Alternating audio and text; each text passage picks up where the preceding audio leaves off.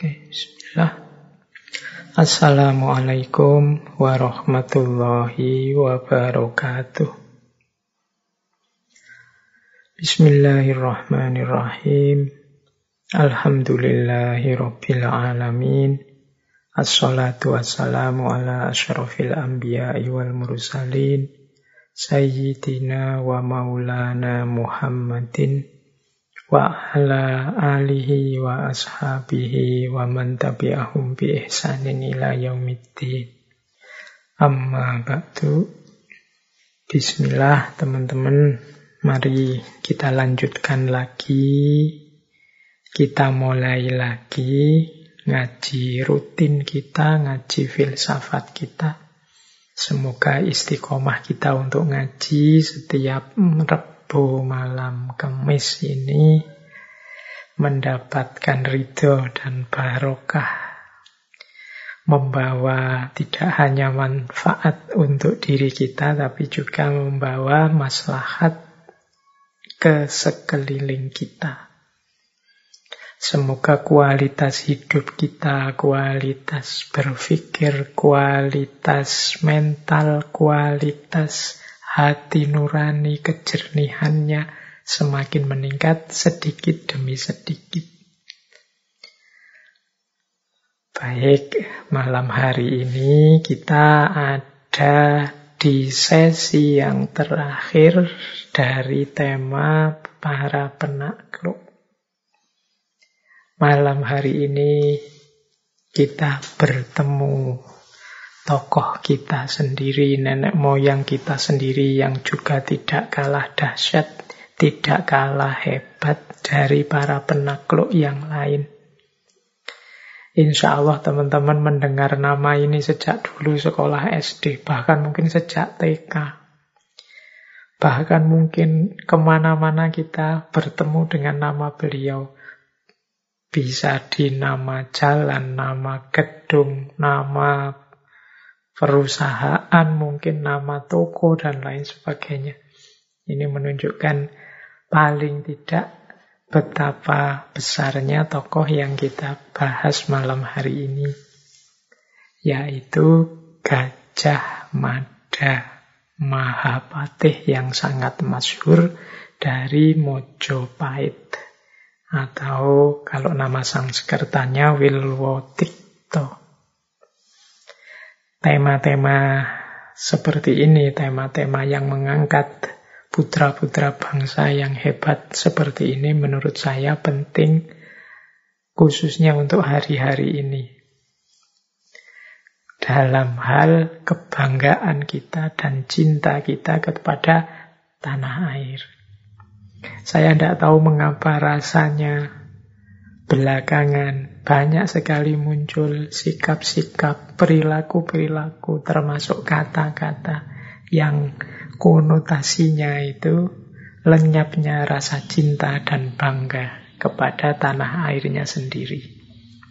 Mungkin teman-teman sering ya kalau yang mengikuti Instagram, Twitter, apa YouTube, apa media sosial lainnya di komen-komennya itu kan banyak bertaburan orang ngomong kadang-kadang ya sakar PDW banyak juga yang hanya iseng.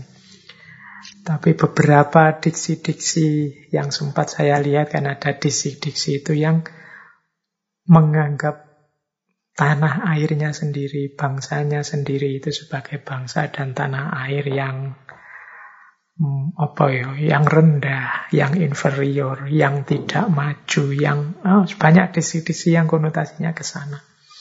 Misalnya, ya itulah bangsa Indonesia, itulah masyarakat plus 62, jadi konotasi-konotasinya ini yang diksi semacam ini itu kan konotasinya hilangnya rasa kebanggaan kita sebagai bangsa Indonesia, hilangnya rasa cinta kepada tanah air.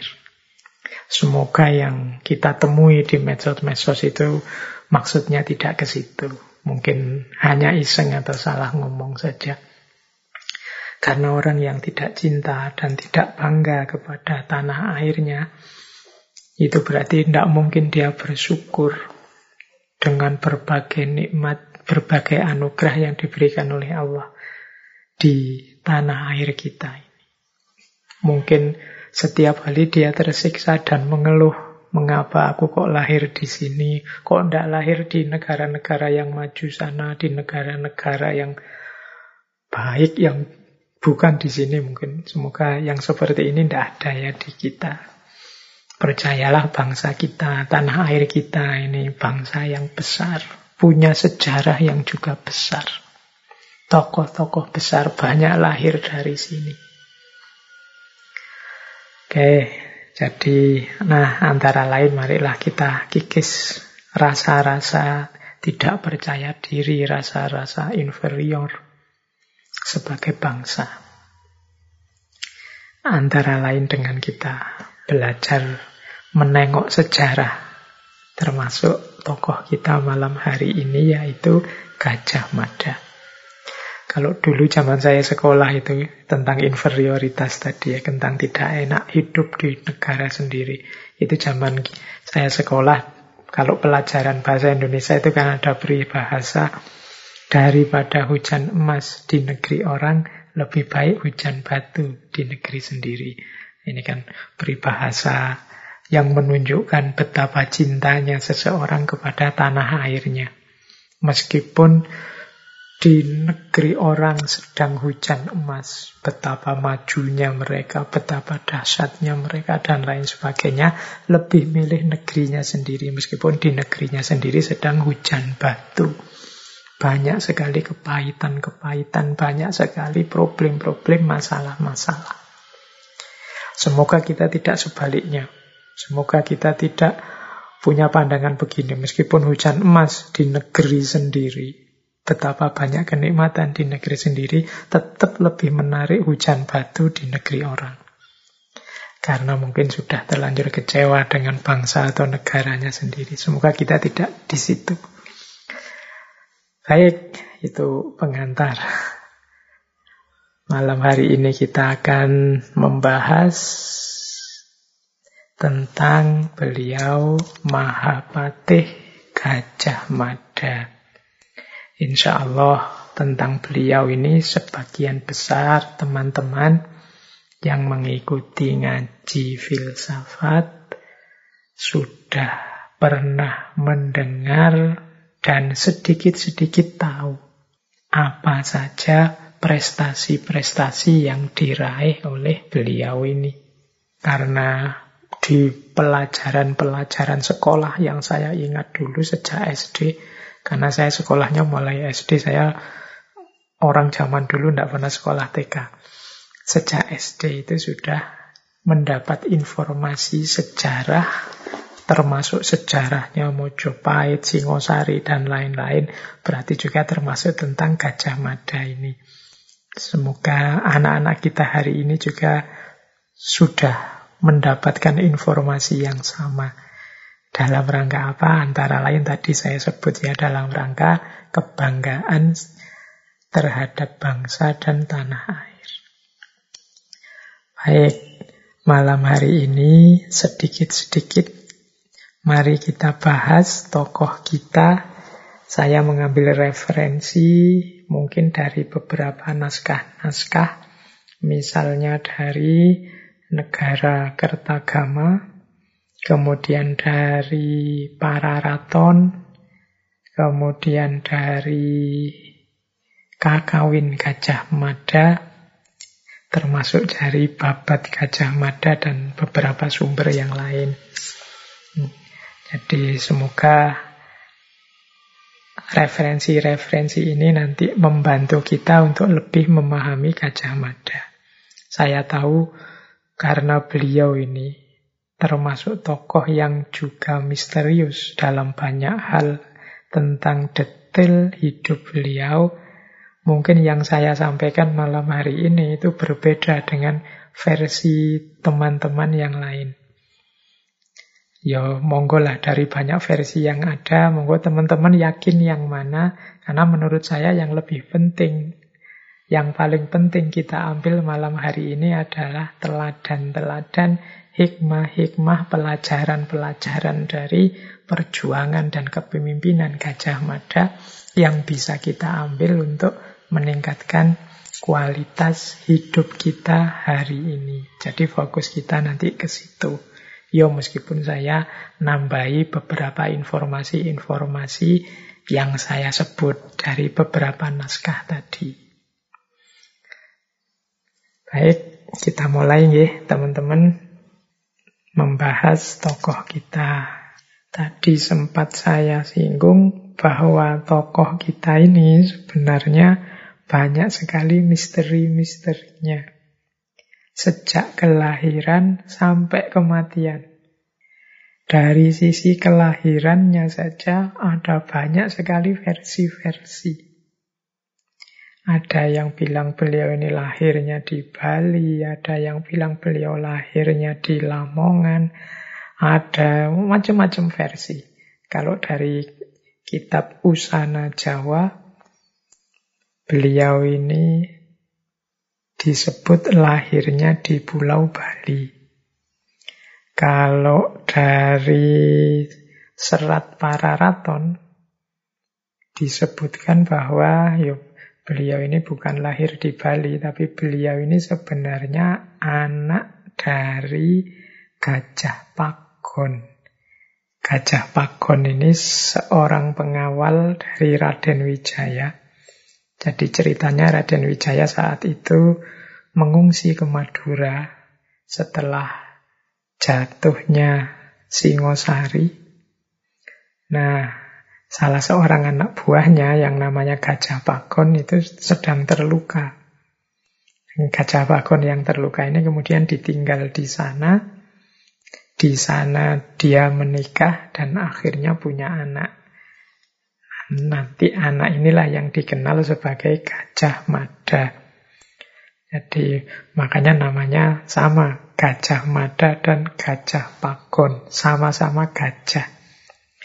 Istilah gajah ini sebenarnya simbol bagi sosok yang pemberani, tahan mental, tidak mudah menyerah, setia kepada pimpinannya, kemudian punya kekuatan untuk menyingkirkan aneka rupa penghalang.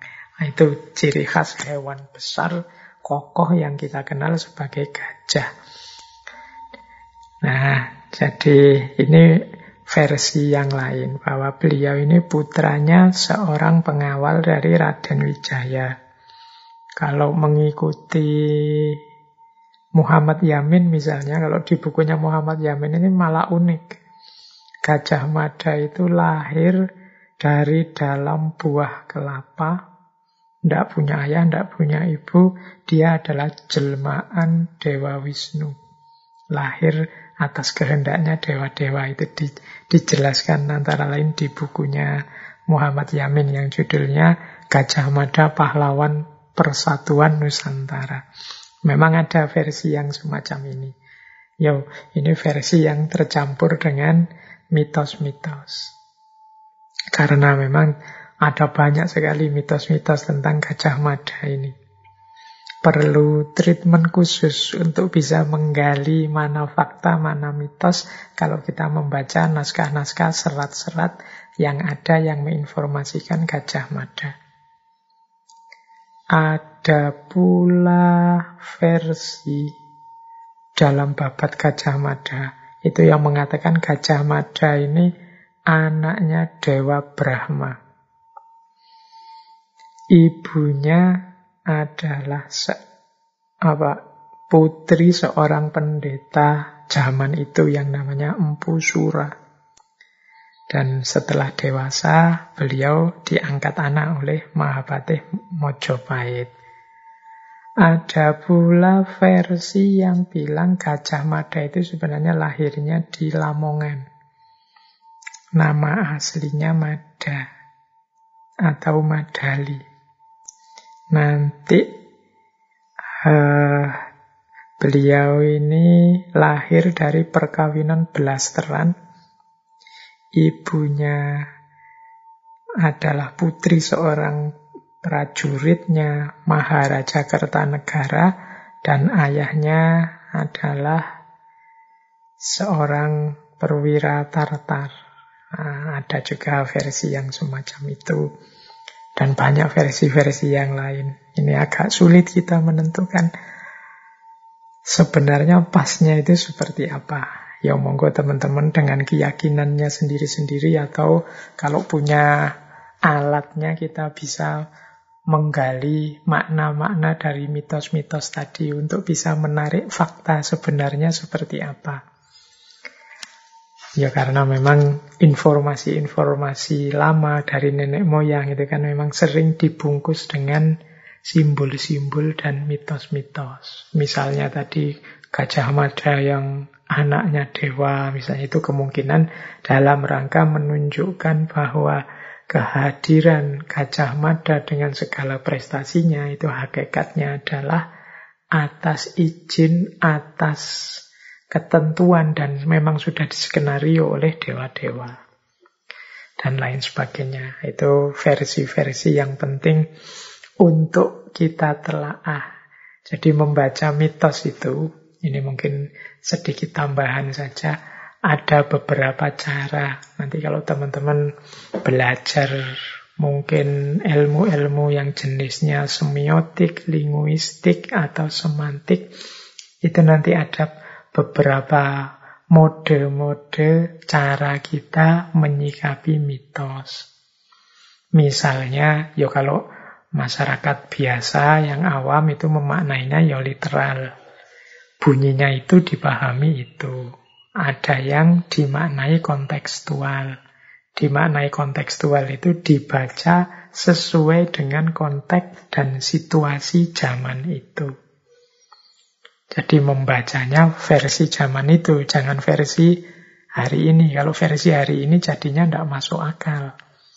Tapi harus dibaca kontekstual, sesuai konteksnya zaman itu.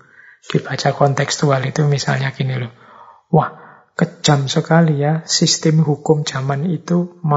Masa hukuman dipenggal kepalanya, rasanya kok tidak manusiawi. Loh, tidak manusiawi itu mungkin dengan kacamata kita hari ini. Tapi dari kacamata zaman itu, ya memang mode hidupnya seperti itu. Kemarin kita cerita tentang Genghis Khan, Alexander the Great, itu kan rasanya, wah, itu hidup kok isinya bunuh-bunuhan terus. Dari konteks kita hari ini itu rasanya keras sekali, tidak manusiawi. Tapi dilihat dari konteks zaman itu ya memang cara berpikir mode hidup zaman itu seperti itu. Nah, ini membaca dengan memahami konteks zaman itu. Itu membacanya secara kontekstual. Jadi memang mode hidupnya seperti itu. Ada pula yang membacanya eksistensial. Membaca eksistensial itu membaca diambil versi kita hari ini. Kita maknai apa yang manfaat, yang cocok, yang bisa kita jalankan. Jadi membacanya tidak sekedar untuk memahami, tapi aku mengambil pelajaran apa yang bisa aku jalankan yang bisa membantuku untuk eksis. Itu namanya eksistensial. Misalnya, oh dari kisahnya Gajah Mada ini, meskipun ada banyak mitos-mitos, aku mengambil pelajaran bahwa seseorang itu harus berani dan pintar memimpin. Nah, ini namanya makna eksistensial. Jadi makna yang kita hidupkan versi kita hari ini.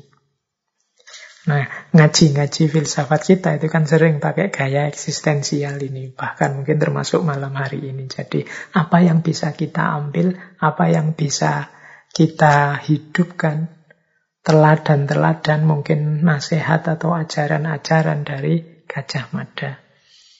Fokusnya ke sini. Ini namanya mungkin mudahnya membaca secara eksistensial. Nah, itu sedikit mungkin biar nambah wawasan tentang bagaimana menyikapi mitos-mitos. Kita ini kan banyak sekali hidup kita ini dikelilingi mitos-mitos dari tradisi-tradisi lama. Misalnya ada tentang apalah nenek moyang kita percaya ini, percaya itu, di sana ada penunggu namanya ini, di situ ada penunggu namanya itu. Itu kan kita membacanya bisa dengan model literal, dipercaya apa adanya, bisa dengan model kontekstual, bisa juga dengan model eksistensial. Tentang Gajah Mada ini yo, saya bilang tadi mitosnya macam-macam. Bahkan kalau teman-teman membaca misalnya kakawin Gajah Mada, di kakawin Gajah Mada itu bahkan dijelaskan bagaimana Gajah Mada ini sangat sakti. Beliau ini bisa mengubah debu menjadi badai tofan. Yang itu bisa memusnahkan musuh. Bahkan beliau bisa membuat panah gaib, panah khayal yang tidak kelihatan barangnya, tapi terdengar bunyinya dan punya daya rusak yang luar biasa. Itu saya baca di Kakawin Gajah Mada. Di antara kesaktiannya Gajah Mada. Itu kan bisa kita pahami secara literal. Literal itu ya memang Gajah Mada itu orang sakti. Dia bisa melakukan hal-hal yang hebat, yang luar biasa. Karena ya memang dia melakukan laku-laku tirakat-tirakat untuk mendapat kesaktiannya misalnya. Ya kesaktian itu kan kalau kita analogikan dengan dunia tasawuf misalnya itu kan mirip karomah-karomah kemampuan luar biasa anugerah Allah karena menjalani laku tertentu. Ini pemaknaan seperti ini namanya pemahaman literal. Nanti ada pemahaman kontekstual. Pemahaman kontekstual itu kita membacanya sesuai konteks zaman itu. Yo iya, kesaktian-kesaktian seperti itu, yo memang zaman itu bukan sesuatu yang mustahil. Ada orang yang misalnya punya ilmu, punya ajian, tidak pakai senjata apa-apa, hanya dengan suara saja dia bisa mengalahkan orang banyak. Ada orang yang bisa lari cepat, ada orang yang sekali pukul bisa mecah batu sebesar kerbau dan macam-macam. Zaman dulu memang begitu. Pola hidup, mode hidupnya. Jadi konteksnya seperti itu. Ya mungkin hari ini sudah langka nyari orang yang bisa begitu sehingga dibaca dengan logika hari ini kok rasanya mustahil ya ada kesaktian-kesaktian seperti itu. Nah, ya memang di kita hari ini mungkin tidak nemu lagi orang-orang yang punya keluar biasaan keluar biasaan seperti zaman dulu. Baik, jadi itu cara membaca atau membaca eksistensial tadi. Kalau eksistensial ya berarti kita membacanya sesuai kebutuhan kita, apa yang bisa diberikan untuk hidup kita dan untuk meningkatkan kualitas hidup kita. Itulah cara kita meresepsi atau memahami Gajah Mada malam hari ini. Baik, saya sambil dongeng sambil nanti kita memaknai secara eksistensial tadi ya pelan-pelan.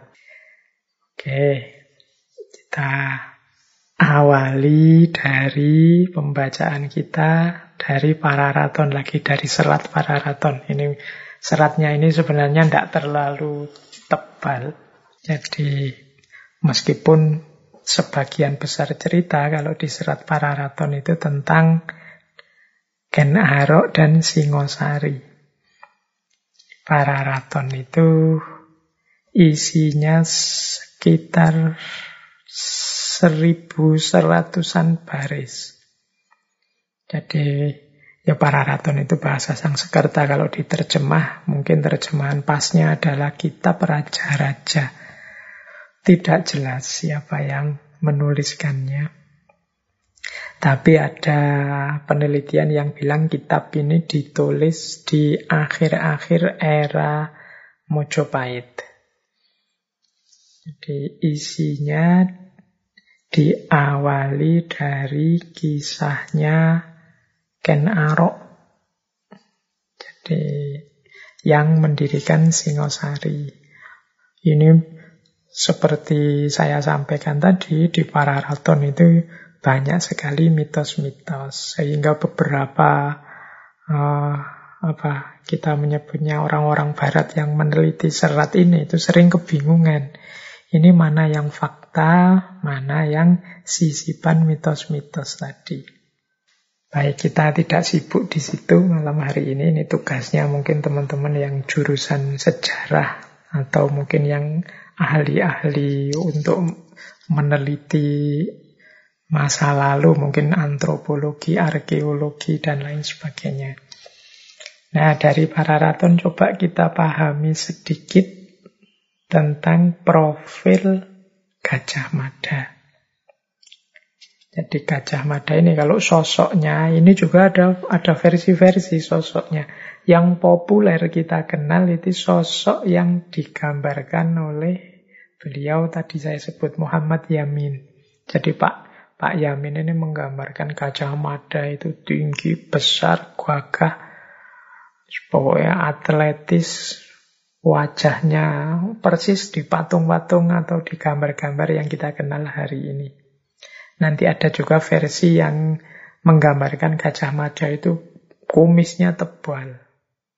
Ada juga yang bilang Gajah Mada itu ya sosoknya biasa saja kayak orang Jawa zaman dulu yang yang tidak seatletis itu, segagah itu, beda dengan orang-orang Eropa. Tapi meskipun tidak sebesar segagah itu, tapi prestasinya luar biasa kedahsyatan-kedahsyatan yang dia hasilkan juga tidak kalah. Jadi itu versi-versi. Makanya saya tadi bilang malam hari ini teman-teman harus tahan untuk mendengarkan banyak versi atau kalau sedang membaca kisah-kisah Gajah mungkin di web tertentu atau di medsos itu sering dibantai orang yang punya versi yang berbeda. Baik kita lanjutkan ya ke bisnis utama kita malam hari ini yaitu meneladani tokoh Gajah Mada. Nah, di catatan saya, kalau berdasarkan naskah para raton, Gajah Mada ini sosok yang bertanggung jawab, kemudian tegas, kemudian cerdas, kemudian setia, kemudian tahu diri. Ya, kemudian dikagumi sekaligus ditakuti. Dan yang terakhir tidak tergantikan. Ini ini secara umum ya. Ini kalau ada tokoh yang seperti ini hari ini pilih saja jadi pemimpin. Oh ini luar biasa cirinya. Kalau ini kan lima, enam, apa tujuh ciri yang luar biasa. Yang pertama tanggung jawab jadi diilustrasikan untuk menunjukkan tanggung jawab ya. Termasuk di serat para raton itu diawali dari karirnya Gajah Mada. Jadi awalnya Gajah Mada ini hanya kepala pengawal istana. Jadi yang dikenal dengan nama Bayangkara. Jadi beliau ini kepala prajurit pengawal istana. Beliau dikenal bertanggung jawab karena saat itu ada pemberontakan Kuti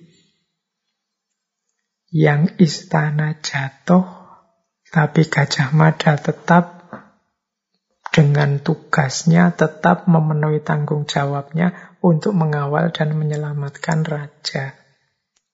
Ceritanya saat itu Gajah Mada membawa raja dan keluarga istana lari mengungsi sampai ke Bedander.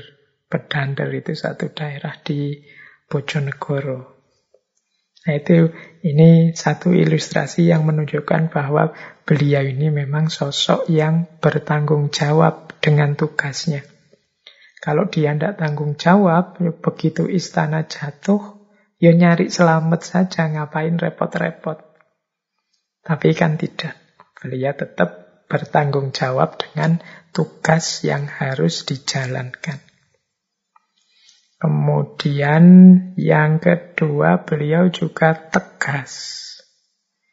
Ya pemimpin memang dituntut tegas. Tidak boleh mencela-mencele. Tidak boleh serba ragu.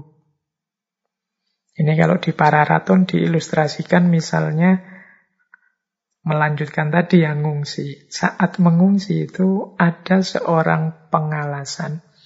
Pengalasan ini sebenarnya prajurit khusus, prajurit rahasia yang tugasnya biasanya menyampaikan info atau menyampaikan surat. Nah, pengalasan ini saat dia ngungsi di Medander, izin pada Gajah Mada untuk pulang. Ini menurut pertimbangannya Gajah Mada ini ini kita sedang ngungsi kok dia malah minta pulang. Jangan-jangan dia nanti membocorkan rahasia. Jangan-jangan dia nanti jadi sumber kita ketahuan. Nah, ini kan pertimbangan-pertimbangan yang harus diambil oleh Gajah Mada. Tapi orang ini terus memaksa. Nah, ceritanya kemudian orang ini terpaksa oleh Gajah Mada harus dibunuh demi keamanannya raja. Kuatir kalau ada pengkhianat nanti mengatasinya lebih susah. Ini salah satu contoh dari serat Pararaton tentang ketegasannya Gajah Mada. Kemudian yang ketiga cerdas. Ini tidak perlu dijelaskan lagi ya kecerdasannya. Yo, Contohnya tadi saja kita lanjutkan. Jadi istana jatuh, beliau membawa raja dan para keluarga istana ke Bedander. Setelah itu beliau balik lagi ke istana, mengumpulkan orang-orang yang masih setia kepada raja. Kemudian dengan strategi tertentu karena kecerdasannya tadi, Akhirnya beliau, kalau dalam sejarah, tidak lebih dari seminggu berhasil mengembalikan tahta lagi kepada rajanya. Saat itu ya rajanya Jaya Negara. Jadi ini salah satu bukti bahwa beliau ini pemimpin yang cerdas. Beliau dikenal punya wawasan yang luas dan juga cerdik. Ini itu ilustrasi yang bisa kita ambil dari cerita ini tadi. Kemudian beliau ini juga dikenal setia. Kalau ini yang tidak perlu kita uraikan panjang lebar kesetiaan beliau pada kerajaan. Satu cinta tanah air yang luar biasa. Kemudian beliau juga dikenal sebagai orang yang tahu diri. Jadi bukan orang yang ambisi jabatan. Jadi ini ada cerita juga. Jadi satu ketika Mahapatih saat itu namanya Arya Tadah itu sakit. Bareng dengan sakitnya beliau terjadi pemberontakan Sadeng. Nah, Gajah Mada ini sebenarnya sudah dinominasikan. Beliau calon kuat untuk menggantikan Arya Tada.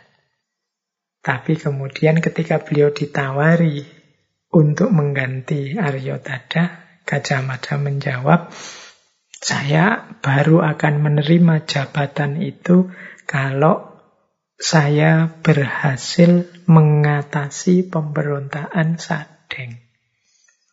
Jadi beliau tidak kesusu kemerungsung jabatan, tapi beliau lebih mendahulukan bangsa dan negara. Beliau ingin menunjukkan dulu bahwa beliau pantas untuk itu, antara lain dengan cara menaklukkan pemberontakan Sadeng.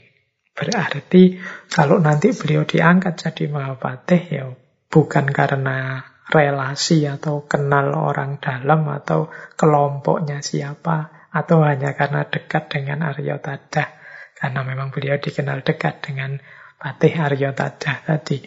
Tapi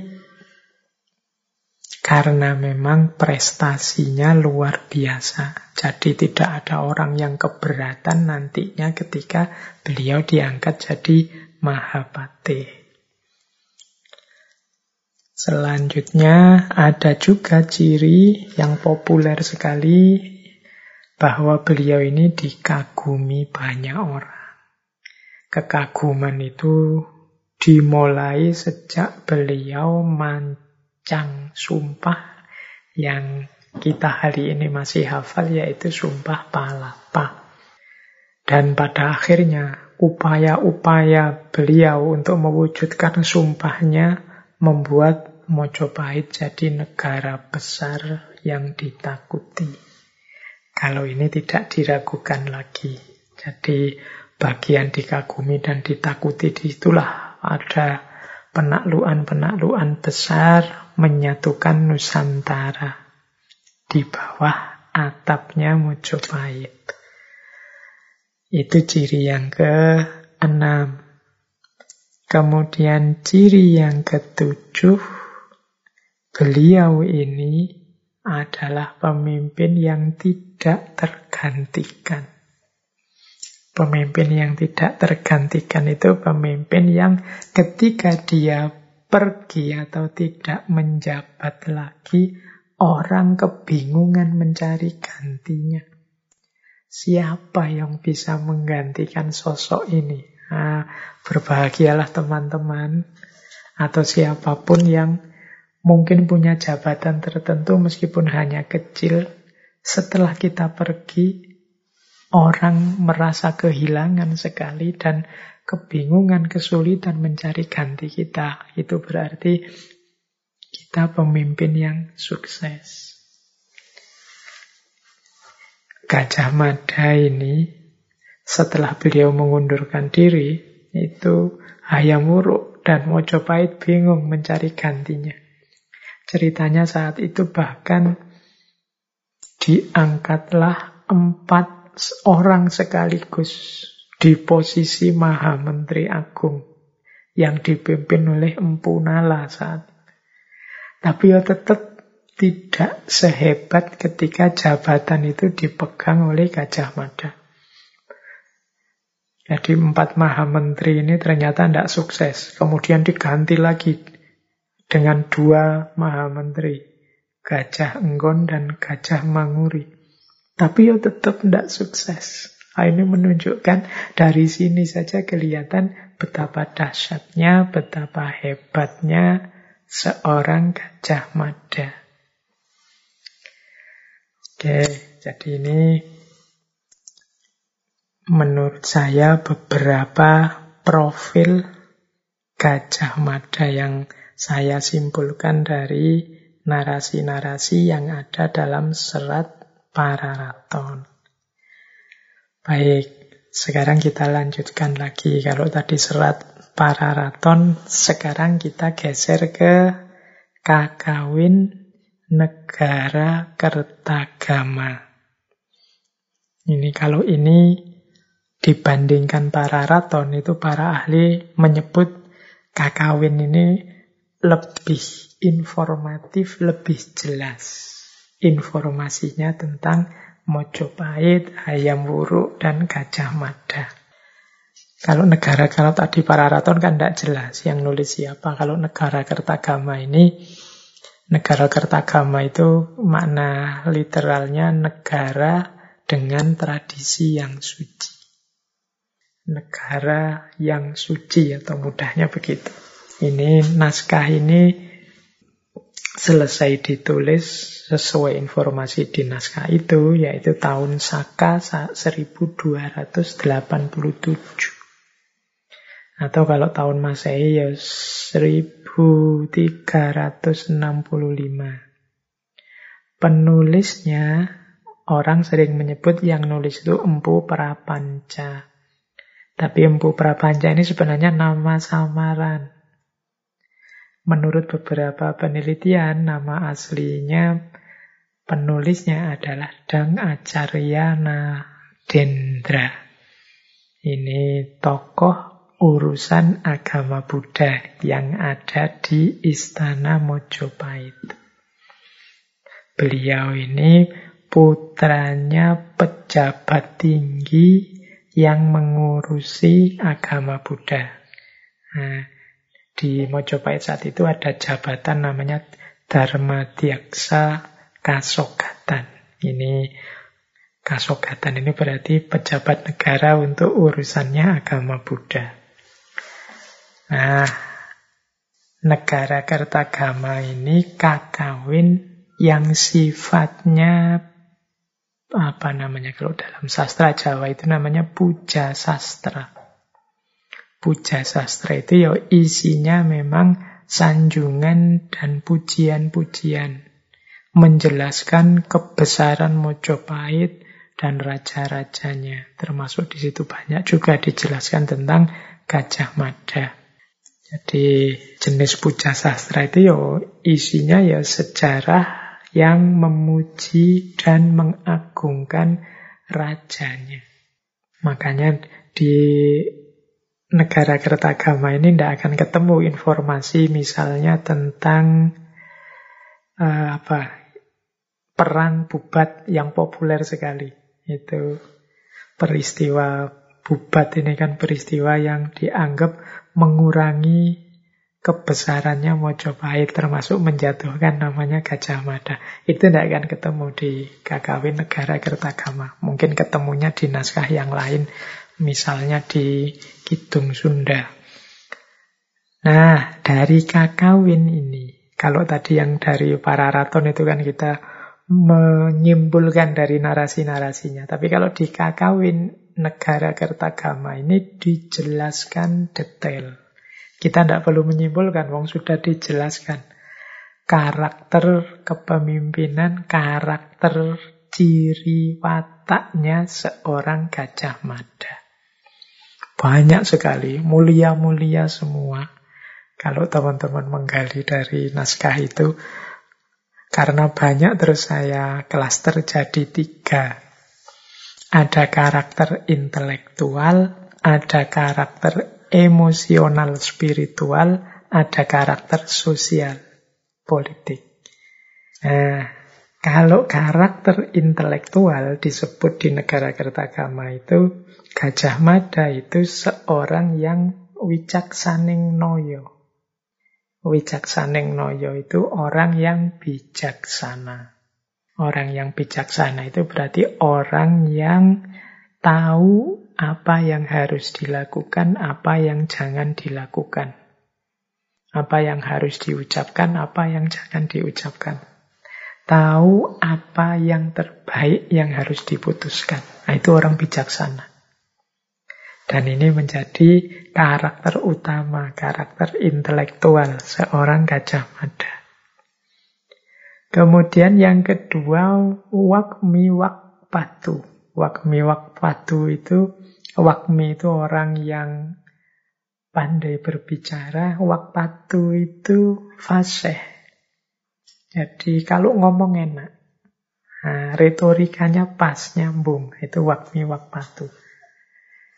Dan yang ketiga, wijna. Wijna itu wawasannya luas, pengetahuannya banyak. Wah, kalau orang secara intelektual punya tiga karakter ini, mustahil dia bukan orang hebat. Jadi wawasannya luas, bijaksana, dan bisa menyampaikan dengan baik. Jadi ini kan yang kita kejar-kejar dengan ngaji filsafat itu sebenarnya kan tiga kualitas ini. Ternyata sudah dimiliki kata Empu Prapanca yang nulis Negara Kertagama oleh Gajah Mada. Nah, yang kedua, aspek emosional spiritual. Yang pertama, Gajah Mada itu dikenal Mantri Wiro. Mantri Wiro itu pemberani. Ya, kalau ini tidak perlu dijelaskan ya. Gagah dan beraninya seorang Gajah Mada.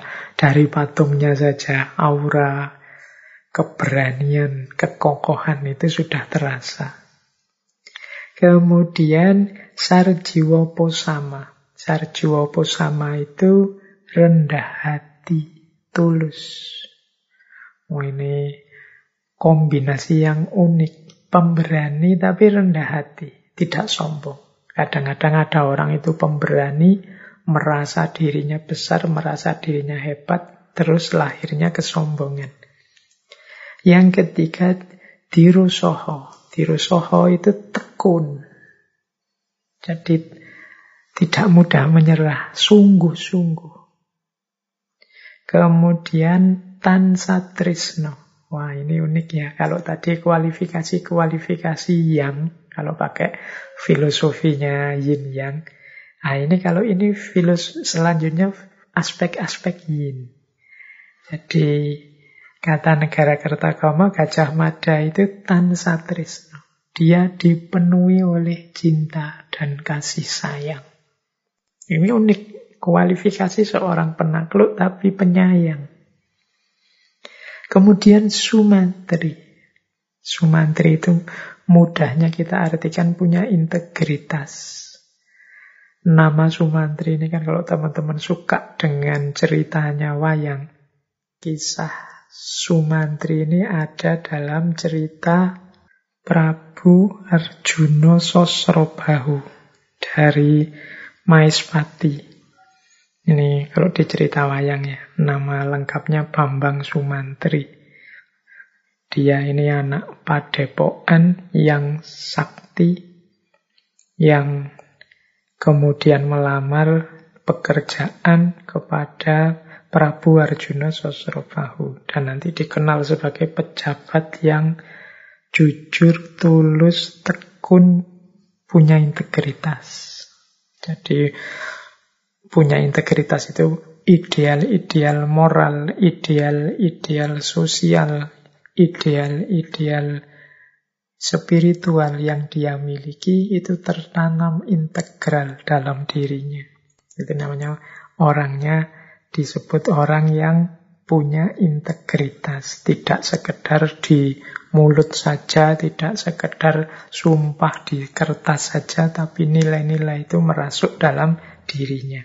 Itu makanya di antara ciri karakternya Gajah Mada itu Sumantri, sosok yang penuh integritas. Kemudian prasojo, sederhana. Kalau ini sebenarnya konsekuensi logis dari sumpah beliau sendiri.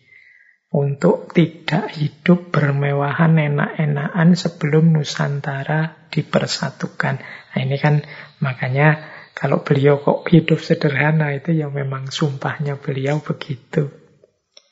Dan yang terakhir disebut juga di negara Kertogomo itu Sih Samasto Buwono. Sih Samasto Buwono ini kalau dalam bahasa Arab mungkin rohmatan lil alamin. Jadi yang menyebar rahmat dan kasih sayang ke seluruh semesta. Sih Samasto Buwono. Jadi sayangnya tidak hanya pada raja, keluarga, atau rakyatnya sendiri, tapi mengimbas, mengefek ke alam semesta. Itu dari sisi emosional spiritual. Jadi ada aspek yin, ada aspek yangnya komplit beliau ini. Kalau waktunya tegas, ya tegas. Waktunya butuh keberanian, beliau sangat berani.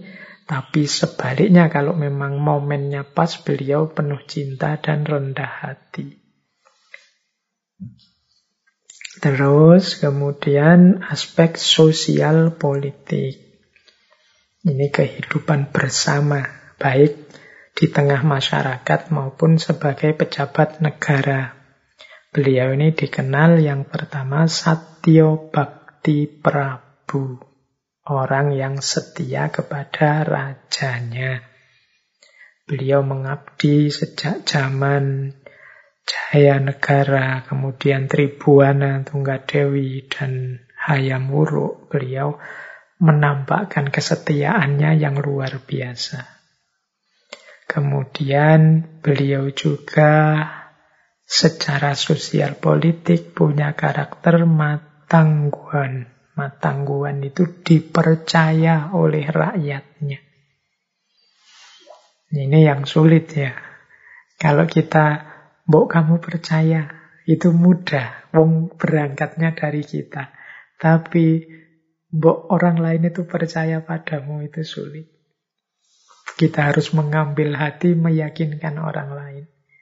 Maka karakter matangguan ini menunjukkan orang yang memang sudah membuktikan dirinya layak dipercaya. Nah, itu Namanya matang kuat.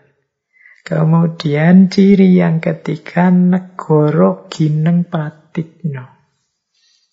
Nah, ini maksudnya mengutamakan kepentingan negara, tidak hanya kepentingan pribadi. Kemudian tan lalono, tanpa istirahat. Nah, ini ini juga konsekuensi dari sumpah beliau untuk tidak akan santai-santai, tidak akan enak-enak dalam menjalankan tugas sebelum Nusantara bersatu. Makanya beliau dikenal Tan Lalono, kerja keras terus-menerus. Kemudian ambek paramu paromo arto. Ambek paromo arto itu mengutamakan hal-hal yang mulia. Ini nama lainnya beliau ini mengerti prioritas. Mana yang didulukan, mana yang nanti saja. Mana yang penting sekali, mana yang kapan-kapan saja diwujudkan. Nah, itu namanya ambak paramoarto. Kemudian Divyocito. Divyocito itu terbuka, akomodatif aspiratif. Jadi beliau mendengarkan suara-suara, usulan-usulan, kritikan-kritikan yang lain. Ini berarti meskipun beliau ini pinter, wawasannya luas, tidak merasa tahu segalanya. Jadi masih mau mendengarkan yang lain. Kemudian nayak akan musuh. Menaklukkan musuh. Ini salah satu kemahiran beliau juga. Baik sebagai individu dengan kesaktian-kesaktiannya maupun sebagai panglima perang. Dan di antara karakter beliau adalah Wijoyo. Wijoyo itu menang. Mampu menyelesaikan masalah, mampu mewujudkan kejayaan. Itu Wijoyo. Ini karakter-karakter Gajah Mada dari aspek sosial politik. Ini kalau kita kembali lagi ke tadi ya, intelektual, emosional, kemudian sosial, itu rasanya memang kalau memang seperti ini karakter beliau, itu memang sangat luar biasa. Untuk mewujudkan pribadi yang unggul intelektual, unggul emosional, spiritual, unggul secara sosial. Ini perlu proses yang panjang dan serius. Dan Gajah Mada sudah mewujudkan dirinya seperti itu. Ini dari sisi ini saja menurut saya sudah sangat layak untuk kita teladani. Mari kita membangun diri kita di level intelektual, emosional, sosial dengan pola-pola karakter seperti dicontohkan oleh Gajah Mada ini. Kalau di kampus-kampus hari ini itu kan banyak sedang digalak-galakkan untuk nambah-nambahi pendidikan karakter. Kemudian kita melakukan benchmark ke mana-mana, mencari contoh ke mana-mana, lagi-lagi keluar. Kebanyakan kita nyari teori-teori, konsep-konsep keluar. Padahal kita sendiri punya banyak konsep-konsep karakter, teladan-teladan karakter yang sangat mulia, sangat utama untuk bisa kita jadikan contoh, kita jadikan landasan atau benchmark. Tidak hanya harus dari luar. Jadi ini mungkin untuk menyadarkan kita bahwa kita ini bangsa yang besar. Jadi konsep-konsep besar tidak harus kita cari di luar. Di dalam juga ada banyak sekali konsep-konsep besar. Termasuk konsep karakter yang dikembangkan oleh Gajah Mada ini. Mungkin hanya kita saja yang kurang dalam menggalinya, padahal kita punya banyak mutiara-mutiara. Baik, kita lanjutkan ya. Wah, sudah hampir satu jam ini cuma informasi-informasi dan banyak dongeng kita tentang Gajah Mada. Tidak apa-apa ya. Yang penting malam hari ini semangat kebanggaan sebagai bangsanya bisa hidup. Nah, kita masuk sekarang ke isu yang sangat terkenal, yaitu sumpah palapa. Ini sumpah yang dilakukan oleh Gajah Mada setelah beliau diangkat jadi Mahapati. Ini sumpah ini rasanya ambisius sekali. Termasuk zaman itu juga banyak pejabat-pejabat yang menertawakan. Tapi karena kesungguhan dan keseriusan seorang Gajah Mada, sumpah yang rasanya mustahil ini akhirnya bisa terpenuhi.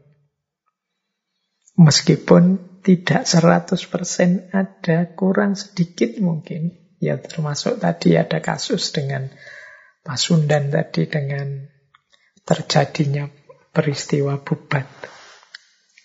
Nah, ini dikenal dengan nama sumpah palapa. Nama istilah palapa itu diambil dari satu kata yang ada di dalam sumpah itu. Bahkan kata palapa ini kan dulu zaman Orde Baru dipakai sebagai nama satelit. Terkenal sekali namanya satelit palapa. Jadi begitu Gajah Mada diangkat menjadi Mahapati, beliau berdiri, ini ceritanya begitu, kemudian bersumpah kalau mengikuti negara Kertagama, kalimatnya seperti ini. Lamun huwus kalah Nusantoro isun amuk di palopo.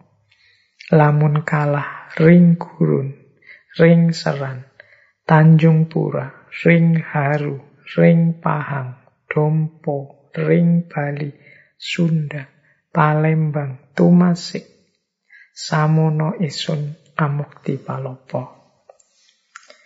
Ini semoga saya membacanya benar ya. Karena ini pakai bahasa Jawa Kawi, bahasa Jawa kuno. Saya bahasa Jawa biasa aja, sok-sok keliru, apalagi bahasa Jawa kuno. Ini mohon dimaklumi teman-teman yang memang sudah ahlinya di situ. Ini saya membacanya mungkin banyak meleset-melesetnya. Nanti silahkan diluruskan. Arti sumpah ini begini. Jika telah menundukkan seluruh Nusantara di bawah kekuasaan Mojopahit, saya baru akan melepaskan puasa.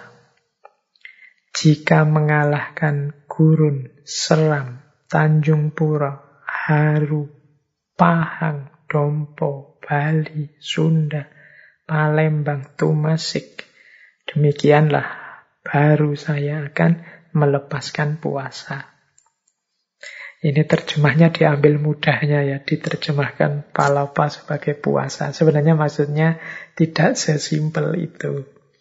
Jadi dalam budaya Jawa itu ada istilah amuk diwibowo dan amuk palopo yang diambil oleh Gajah Mada ini amuk palopo ini. Amuk palopo itu lawan dari amuk wibowo. Amuk wibowo itu kalau diterjemahkan itu adalah menikmati kemuliaan jabatan atau kekuasaan. Jadi orang yang dapat jabatan itu dia sedang menikmati jabatannya atau menikmati kewibawaan kekuasaannya. Itu namanya amukti wibawa. Berarti jabatan itu menjadi anugerah atau menjadi nikmat. Makanya banyak orang yang begitu dapat jabatan terus syukuran. Mengapa kok dia syukuran? Karena jabatan diartikan sebagai amukti wibowo. Mendapatkan anugerah dalam bentuk kekuasaan. Sebaliknya, Gajah Mada memaknai jabatan itu sebagai amukti palopo. Nah, palopo itu berarti lawannya wibowo tadi. Dia tidak menikmati tapi justru menahan diri untuk menikmati. Jadi menahan diri untuk senang-senang. Istilah hamukti palopo ini sering dipakai untuk orang yang sedang tirakat atau melakukan topo. Bagi teman-teman yang suka tirakat, apalagi teman-teman Jawa itu kan ada istilah ngalopo. Ngalopo itu orang yang menjalani tirakat dengan cara tidak makan garam. Nah, tidak makan garam itu biasanya terus bentuknya adalah dengan cara puasa mutih, makan nasi putih saja. Atau mungkin teman-teman yang belajar sastra Jawa ada istilah loro lopo. Loro itu sakit, lopo itu lapar. Jadi intinya palopo itu milih tidak seneng-seneng, milih tidak menikmati. Jadi milih tirakat dulu. Ya, makanya tadi di terjemahannya disebut puasa. Jadi meskipun itu mudahnya begini. Meskipun aku mendapat anugerah jabatan sebagai Mahapatih. Berarti aku sedang mendapatkan kekuasaan, kemuliaan. Tapi aku tetap akan milih tirakat saja, tidak senang-senang, tidak apa menikmati anugerah ini sampai aku bisa menaklukkan wilayah-wilayah tadi Nusantara. Jadi ini sumpahnya Gajah Mada. Jadi sebelum wilayah-wilayah tadi berhasil ditaklukkan di bawah Mojopahit, aku akan tirakat, aku tidak akan senang-senang. Aku tidak akan menikmati. Jadi lawan dari Amukti Wibowo. Nah, ini bisa nanti kita untuk menganalisis ya. Kalau ada orang dapat anugerah jabatan, itu dia menyikapinya sebagai Amukti Wibowo atau Amukti Palopo. Dalam sejarah Islam kan mungkin kita banyak cerita khalifah-khalifah tertentu yang begitu dapat jabatan khalifah justru malah nangis, justru malah menganggap itu musibah, justru malah gelisah luar biasa. Dulu kita pernah membahas Umar bin Abdul Aziz, termasuk minggu lalu ada Umar bin Khattab. Itu kan dalam ceritanya menganggap jabatan itu sebagai musibah. Nah ini berarti memaknai jabatan sebagai hamuk di palopo. Begitu jabat, begitu saat itu dia sadar bahwa wah ini berarti saatnya aku harus tirakat untuk menjalankan amanah sebagai pejabat ini. Nah itu berarti memaknai jabatan sebagai amukti palopo. Ya meskipun ada juga orang yang menganggap jabatan itu sebagai anugerah. Amukti wibowo. Itu yang membuat dia kemudian setelah dilantik, setelah mendapat jabatan terus syukuran, ngejak makan-makan, pesta-pesta. Itu, itu tipe orang ketika menerima jabatan. Baik, nah di sumpahnya Gajah Mada tadi, beliau menyebut beberapa nama daerah. Ada gurun, gurun itu daerah Seram bagian timur, Pulau Gorong. Kemudian Seram, Seran atau Seram, Tanjung Pura. Ini kerajaan Tanjung Pura, daerah Ketapang, Kalimantan Barat. Haru, Haru itu mungkin maksudnya Kepulauan Aru, Sumatera Utara, daerah Karo. Pahang, Malaysia. Dompo atau Dompu kalau hari ini ya, daerah di Pulau Sumbawa, Bali, Sunda, Palembang, Tumasik. Tumasik itu kalau hari ini Singapura. Ini yang disebut oleh kacamata daerah-daerah ini ada yang bilang adalah wilayah-wilayah yang sebelumnya merupakan titik-titik kerajaan yang besar. Jadi misalnya Palembang, Palembang itu dulu ada Sriwijaya, Bali, Bali itu kan ada Bali Diwipa Mandala, kerajaan dari dinasti Warmadewa. Sunda, Sunda ada Tarumanegara. Tanjung Pura tadi itu kan dulu di situ ada eh, kerajaan Kutai kuno, rajanya Mulawarman. Jadi daerah-daerah yang disebut tadi mungkin daerah Nusantara yang sebelumnya terkenal di situ ada pusat-pusat kerajaan besar. Nah, kita kemudian sering menyebut sumpahnya Gajah Mada ini secara umum adalah semangat untuk menundukkan seluruh Nusantara di bawah kekuasaannya Mojopahit. Kalau di negara ketagama itu Nusantara itu satu wilayah. Jadi begini, ini Mojopahit itu membaca geografis wilayah dunia sekitarnya itu dengan tiga istilah.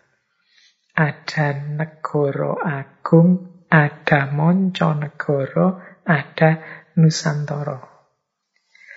Kalau negoro agung itu ya ibu kotanya Mojopahit sendiri, kemudian dan sekitarnya yang dekat-dekat. Ya kalau ibu kotanya di daerah Mojoagung atau Trowulan, ya berarti kabupaten-kabupaten sekitar itulah mungkin Mojokerto, Sidoarjo, Lamongan, Gresik, dan sebagainya. Nah, kemudian ada Monconegoro. Monconegoro itu masih di Pulau Jawa, tapi budayanya mirip dengan Negoro Agung, tapi dia sudah berbatasan. Itu di, sering disebut termasuk Monconegoro itu negara-negara yang ada di perbatasan Pulau Jawa seperti Bali, Madura, Lampung, Palembang itu sering diidentifikasi sebagai Monconegoro. Nah, beda dengan Nusantoro. Kalau Nusantoro ini memang wilayah jauh, wilayah luar Pulau Jawa yang kalau masuk Nusantoro ini berarti taklukannya harus membayar, kalau ditaklukkan oleh Mojopahit dia harus membayar upeti. Jadi ini istilah pemahaman geografisnya Mojopahit saat itu terhadap daerah-daerah kekuasaannya. Jadi kekuasaan Mojopahit itu ada Negoro Agung, Monconegoro, dan Nusantoro. Ya konsep Nusantoro sendiri, Nusa itu artinya pulau, kemudian Antoro, Antoro itu artinya seberang. Jadi pulau-pulau yang ada di seberang dikenal sebagai Nusantoro. Meskipun nanti belakangan istilah ini dipakai untuk menggambarkan ya wilayah Indonesia. Kalau di negara Kertagama sendiri, Nusantoro itu ya sebagian besar wilayah Indonesia modern seperti Sumatera, Kalimantan, Nusa Tenggara, Sulawesi, sebagian Pulau Maluku dan Papua Barat, plus Malaysia, Singapura, Brunei, dan beberapa wilayah Filipina bagian selatan. Jadi itu nanti ada pembagiannya di negara Kertogomo itu ada sekitar delapan pembagian wilayah yang dikenal sebagai Nusantoro. Nah, inilah yang dipakai oleh Gajah Mada istilahnya Nusantoro. Jadi tidak hanya Monconegoro yang akan ditaklukkan daerah-daerah tapal batas yang berbatasan Pulau Jawa, tapi juga Nusantoro. Itulah isi sumpahnya Gajah Mada. Nah, konsep Nusantoro ini sebenarnya tidak berawal dari Gajah Mada dan sumpah palapanya. Jadi kalau dalam sejarah istilah ini sudah dikenal bahkan sejak zaman Singosari. Kalau teman-teman belajar tentang sejarahnya Singosari kan satu ketika Singosari ini melakukan satu ekspedisi yang dikenal sebagai ekspedisi Pamalayu. Ekspedisi Pamalayu ini upaya Singosari untuk menjalin persekutuan politik dengan kerajaan-kerajaan di Nusantara, khususnya kerajaan Melayu Dharmasraya. Nah, tapi yo ekspedisi ini nanti terputus dengan jatuhnya Sungos Singosari, tewasnya Kertanegara. Mengapa kok ekspedisi ini diadakan? Ini sebenarnya dalam rangka mengantisipasi kemungkinan ancaman serangannya Mongol yang sedang membangun dinasti Yuan di Tiongkok. Nah, nanti kan ceritanya memang sampai ada utusan ke Singosari. Tapi pada akhirnya yang tidak bisa ditaklukkan oleh Mongol yang luar biasa, yang dua tiga minggu yang lalu kita angkat lewat Genghis Khan itu, yang kedahsyatannya bahkan menaklukkan hampir separuh dunia, tapi belum bisa menaklukkan Jawa.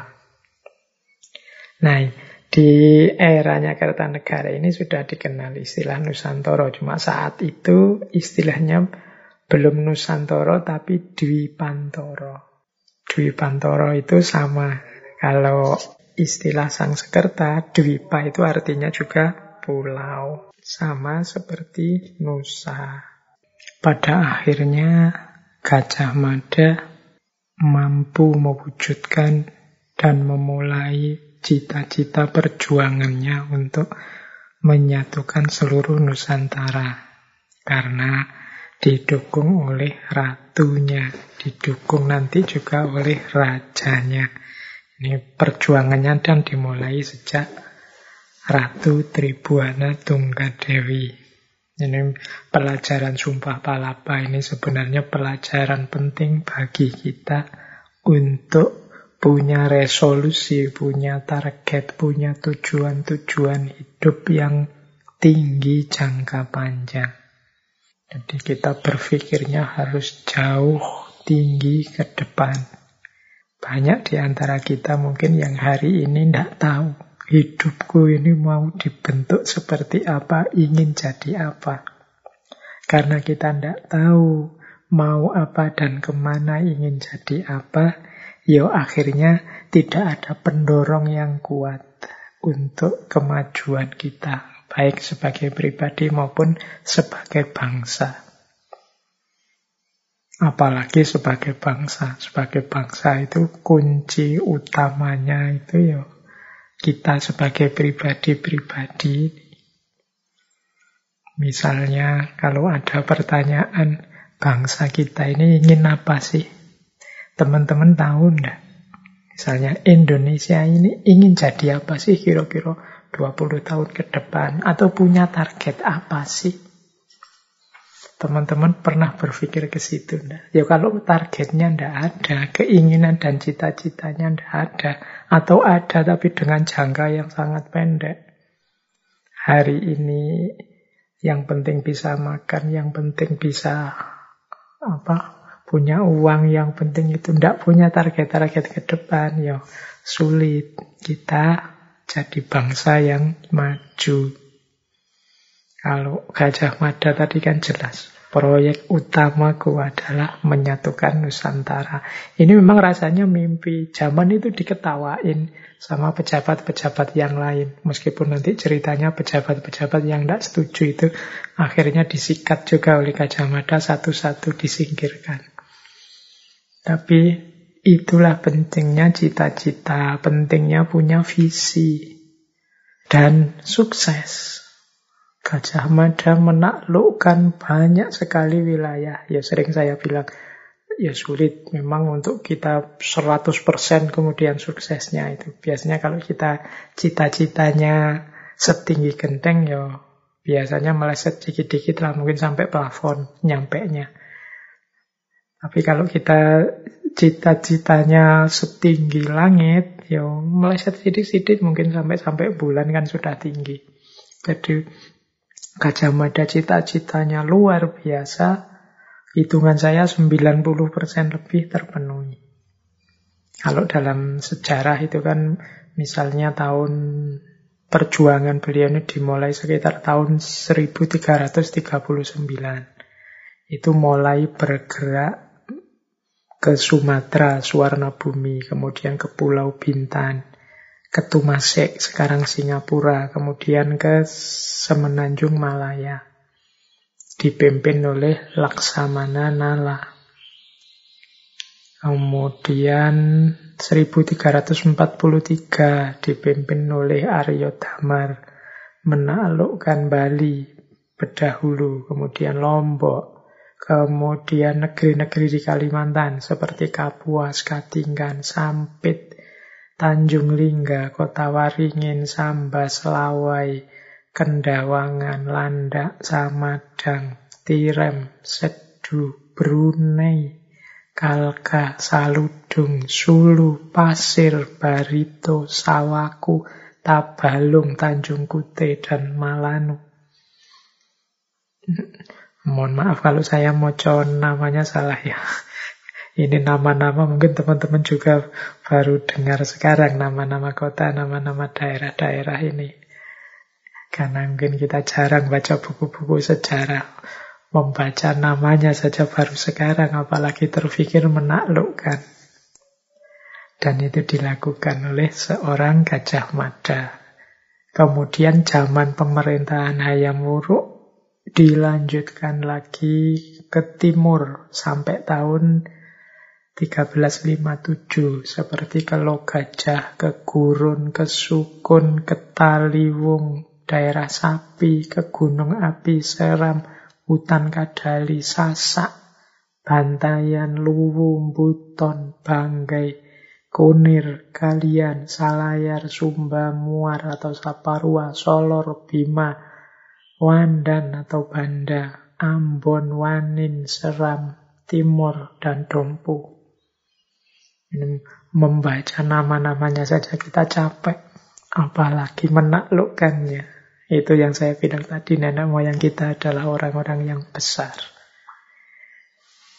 Jadi Mojopahit sampai akhir abad 15 adalah kekuatan yang ditakuti saat itu di wilayah-wilayah sekitarnya. Bahkan ada cerita, bahkan Mongol pun agak takut dengan Mojopahit. Ada cerita begini, satu ketika tahun 1377 ada utusan dari dinasti Ming menuju Sumatera Timur. Jadi ke daerah Sumatera. Tapi terus ketemu dengan pasukan Mojopahit. Terjadi konflik, kemudian pertempuran. Dan Semuanya dibunuh oleh tentara Mojopahit. Nah, ini kan dahsyat ini. Harusnya kasus ini lahir jadi perang. Ini kan tidak sekedar seperti Raja Kartanegara yang melukai utusan Mongol Mengci. Tapi tidak terjadi perang. Ini ada yang bilang ya mungkin mikir-mikir juga dinasti Ming saat itu kalau harus berurusan dengan Mojopahit. Jadi memang saat itu reputasinya luar biasa. Tentara-tentara Jawa saat itu dikenal sebagai pasukan profesional yang terlatih, yang tidak sembarangan orang bisa mengalahkannya. Dan itu antara lain dibentuk, diperjuangkan oleh Gajah Mada. Nah, nanti menarik pandangan bahwa terhadap daerah-daerah takluannya itu Mojopahit itu bukan kemudian menjajah atau menghisap. Tapi yang terjadi adalah hubungan simbiosis mutualisme, hubungan yang saling menguntungkan. Khususnya dari wilayah ekonomi dan bisnis. Jadi nanti daerah-daerah yang ada di bawah kekuasaan Majapahit ini yang dilakukan adalah memberi dukungan ekonomi kepada Majapahit. Ya mudahnya memberi upeti-upeti. Nanti Majapahit ganti memberi keamanan, menjaga dengan kekuatan militernya. Jadi yang satu memberikan keamanan, yang satu memberikan dukungan ekonomi, yang satu melindungi, yang satu mengupayakan peningkatan wilayah ekonomi. Dan jadi itu relasinya seperti itu. Karena memang wilayah Nusantara itu kan wilayah yang terpisah-pisah kemudian sering menjadi lalu lintas perdagangan dan dipisahkan oleh laut-laut sehingga banyak pelabuhan-pelabuhan. Ini kan butuh kekuatan pengamanan yang tidak sepele. Dan itulah yang dilakukan oleh Mojopahit. Jadi ada ada pandangan ya hubungan Mojopahit dengan Takluana dengan jajahannya itu tidak harus dibayangkan seperti ketika Jengis kan memusnahkan apa memusnahkan wilayah-wilayah sekitarnya atau Alexander the Great melakukan penaklukan-penaklukan. Tapi hubungan yang sifatnya saling menguntungkan. Kemudian ini perlu juga kita lihat isu yang lain. Jadi zaman Gajah Mada ini ya tidak hanya kekuatan militernya yang luar biasa, tapi tertib pemerintahannya juga luar biasa. Kehidupan masyarakat saat itu sangat terkendali, terutama karena di zaman itu sudah ada konstitusi, sudah ada kitab undang-undang yang dipatuhi semuanya. Ini ada dari zamannya Gajah Mada yang dikenal dengan nama kitab Kutara Manawa Dharma Sastra. Ini semacam KUHP, kitab undang-undang pidana zaman Gajah Mada. Jadi ini untuk menjamin ketertiban di wilayah-wilayah Mojopahit. Ini yang ini harus dipatuhi semua.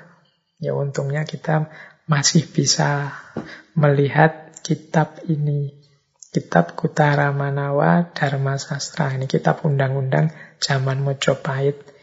Isinya 275 pasal, 19 bab. Oh, ini kan luar biasa. Bab 1 tentang denda, bab 2 tentang pembunuhan, bab 3 tentang kawulo, perlakuan terhadap rakyat kecil, bab 4 tentang pencurian, bab 5 tentang pemaksaan, bab 6 tentang jual beli, bab 7 tentang gade, bab 8 tentang hutang piutang, bab 9 tentang titipan, bab 10 tentang mahar, bab 11 pernikahan, bab 12 tentang kemesuman, Mungkin kalau hari ini ya pornografi atau porno aksi. Bab 13 tentang warisan. Bab 14 tentang caci maki. Bab 15 tentang menyakiti orang. Bab 16 tentang kelalaian. Bab 17 tentang perkelahian. Bab 18 tentang tanah. Bab 19 tentang fitnah. Oh, menarik ya di zaman ini sudah lumayan komprehensif. Misalnya kita butuh gimana ya cara hukum tentang pornografi, porno aksi itu kan kita pernah ngalami betapa ributnya kita mencari contoh hukum terhadap pornografi, porno aksi. Wah itu kan kita bisa misalnya melacak ke warisan-warisan nenek moyang antara lain. Yo, kitab Kutara Manawa ini. Meskipun ya pastinya tidak dipersiskan karena saya bilang tadi situasi dan konteks zamannya berubah. Tapi paling tidak kan kita bisa mengambil banyak pelajaran. Namanya tadi benchmark itu kan pijakannya. Termasuk tentang caci maki. Hari ini kan kita bingung ini. Dunia medsos caci maki ini apa yang harus dilakukan.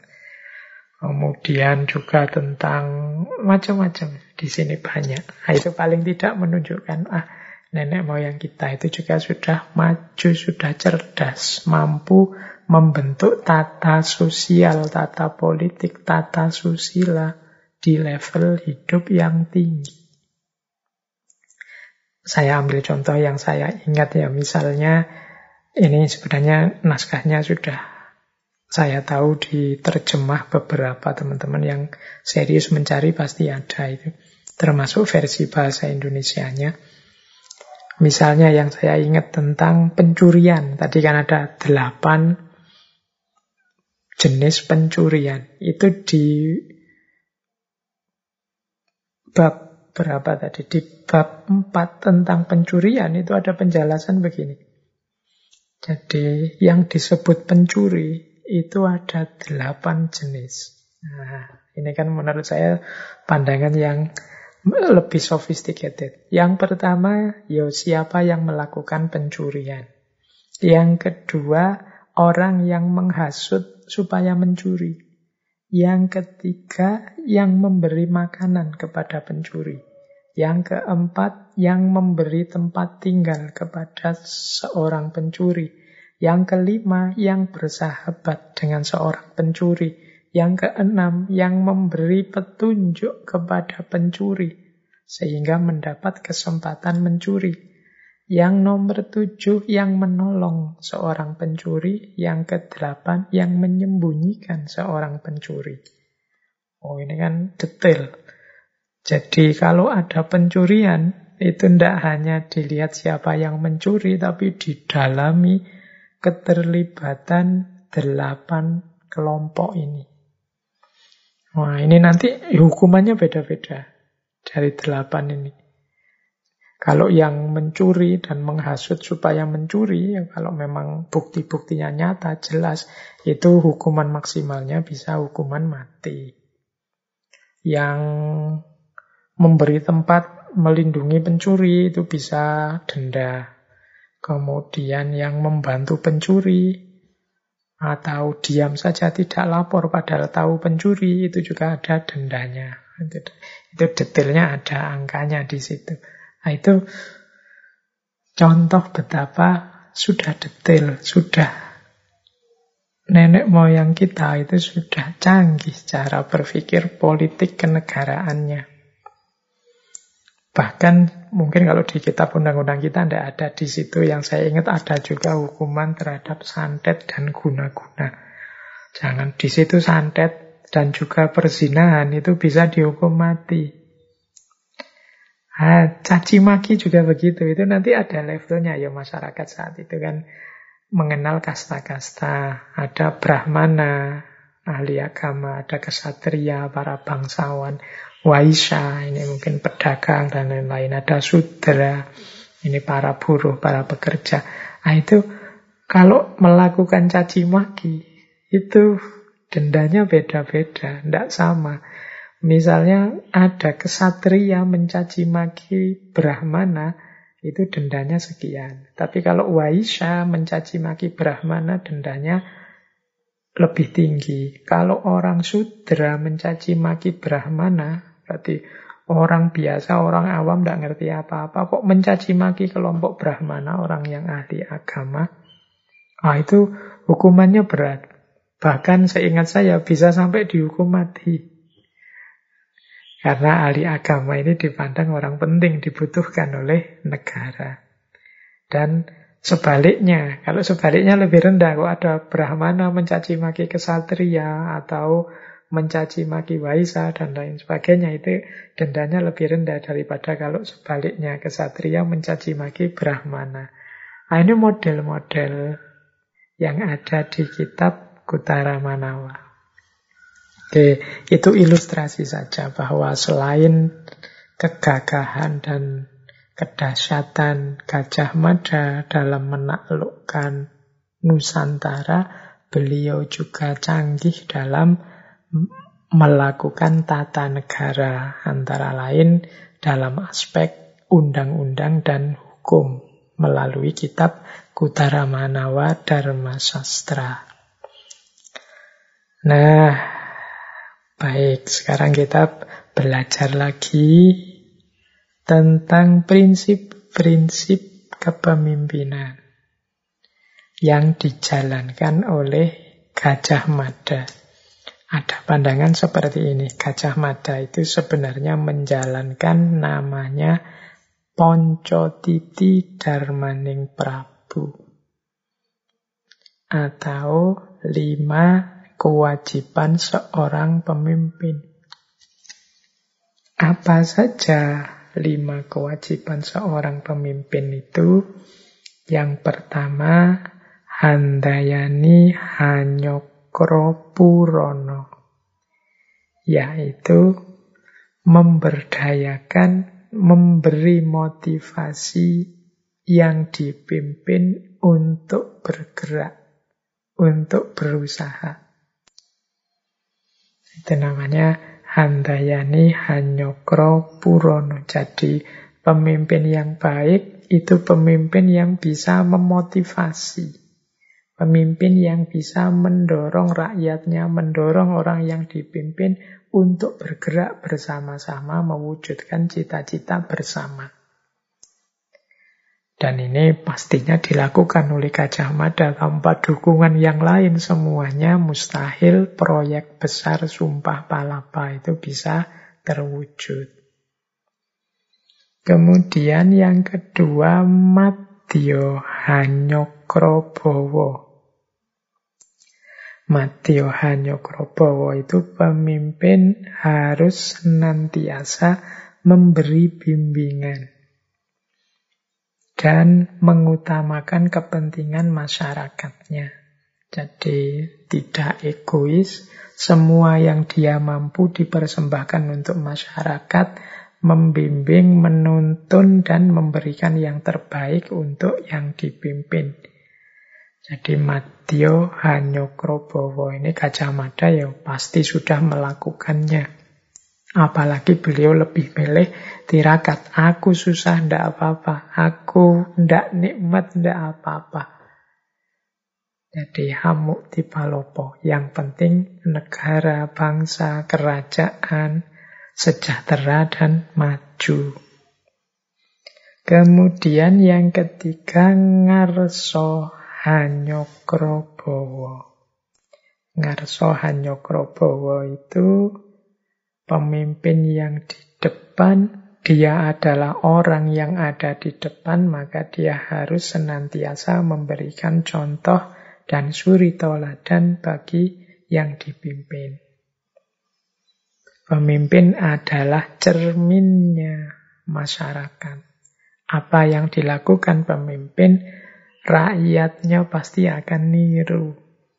Nah ini prinsip ngarso hanyokrobowo. Berarti pemimpin harus melakukan hal-hal yang mulia, yang terpuji, yang patut ditiru. Biar rakyatnya niru yang baik-baik. Biar yang dipimpin mengikuti yang baik-baik. Kalau yang di atas gegeran, rame terus, ya jangan salahkan yang di bawah rame juga dan gegeran. Karena di antara perannya pemimpin itu ngarso hanyokrobowo. Dia itu di depan, maka orang melihat dia dan niru. Yo, apa gambarannya kalau kita lagi senam terus tidak ngerti gerakannya apa itu kan ya pokoknya nonton di depan instrukturnya melakukan apa kita niru. Jadi yang posisinya di depan itu bagian yang ditiru. Itu ngerso hanyokrobowo. Maka sadarlah para pemimpin engkau di depan. Sadarlah para pemimpin engkau madyo hanyokrobowo. Engkau di tengah. Maka engkau harus nuntun memberi bimbingan. Sadarlah para pemimpin engkau di belakang. Maka engkau harus memberi dorongan. Memberi kekuatan handayani. Kemudian yang keempat, seorang pemimpin itu nirbolo wikoro. Dia tidak harus selalu menggunakan kekuatan dan kekuasaan.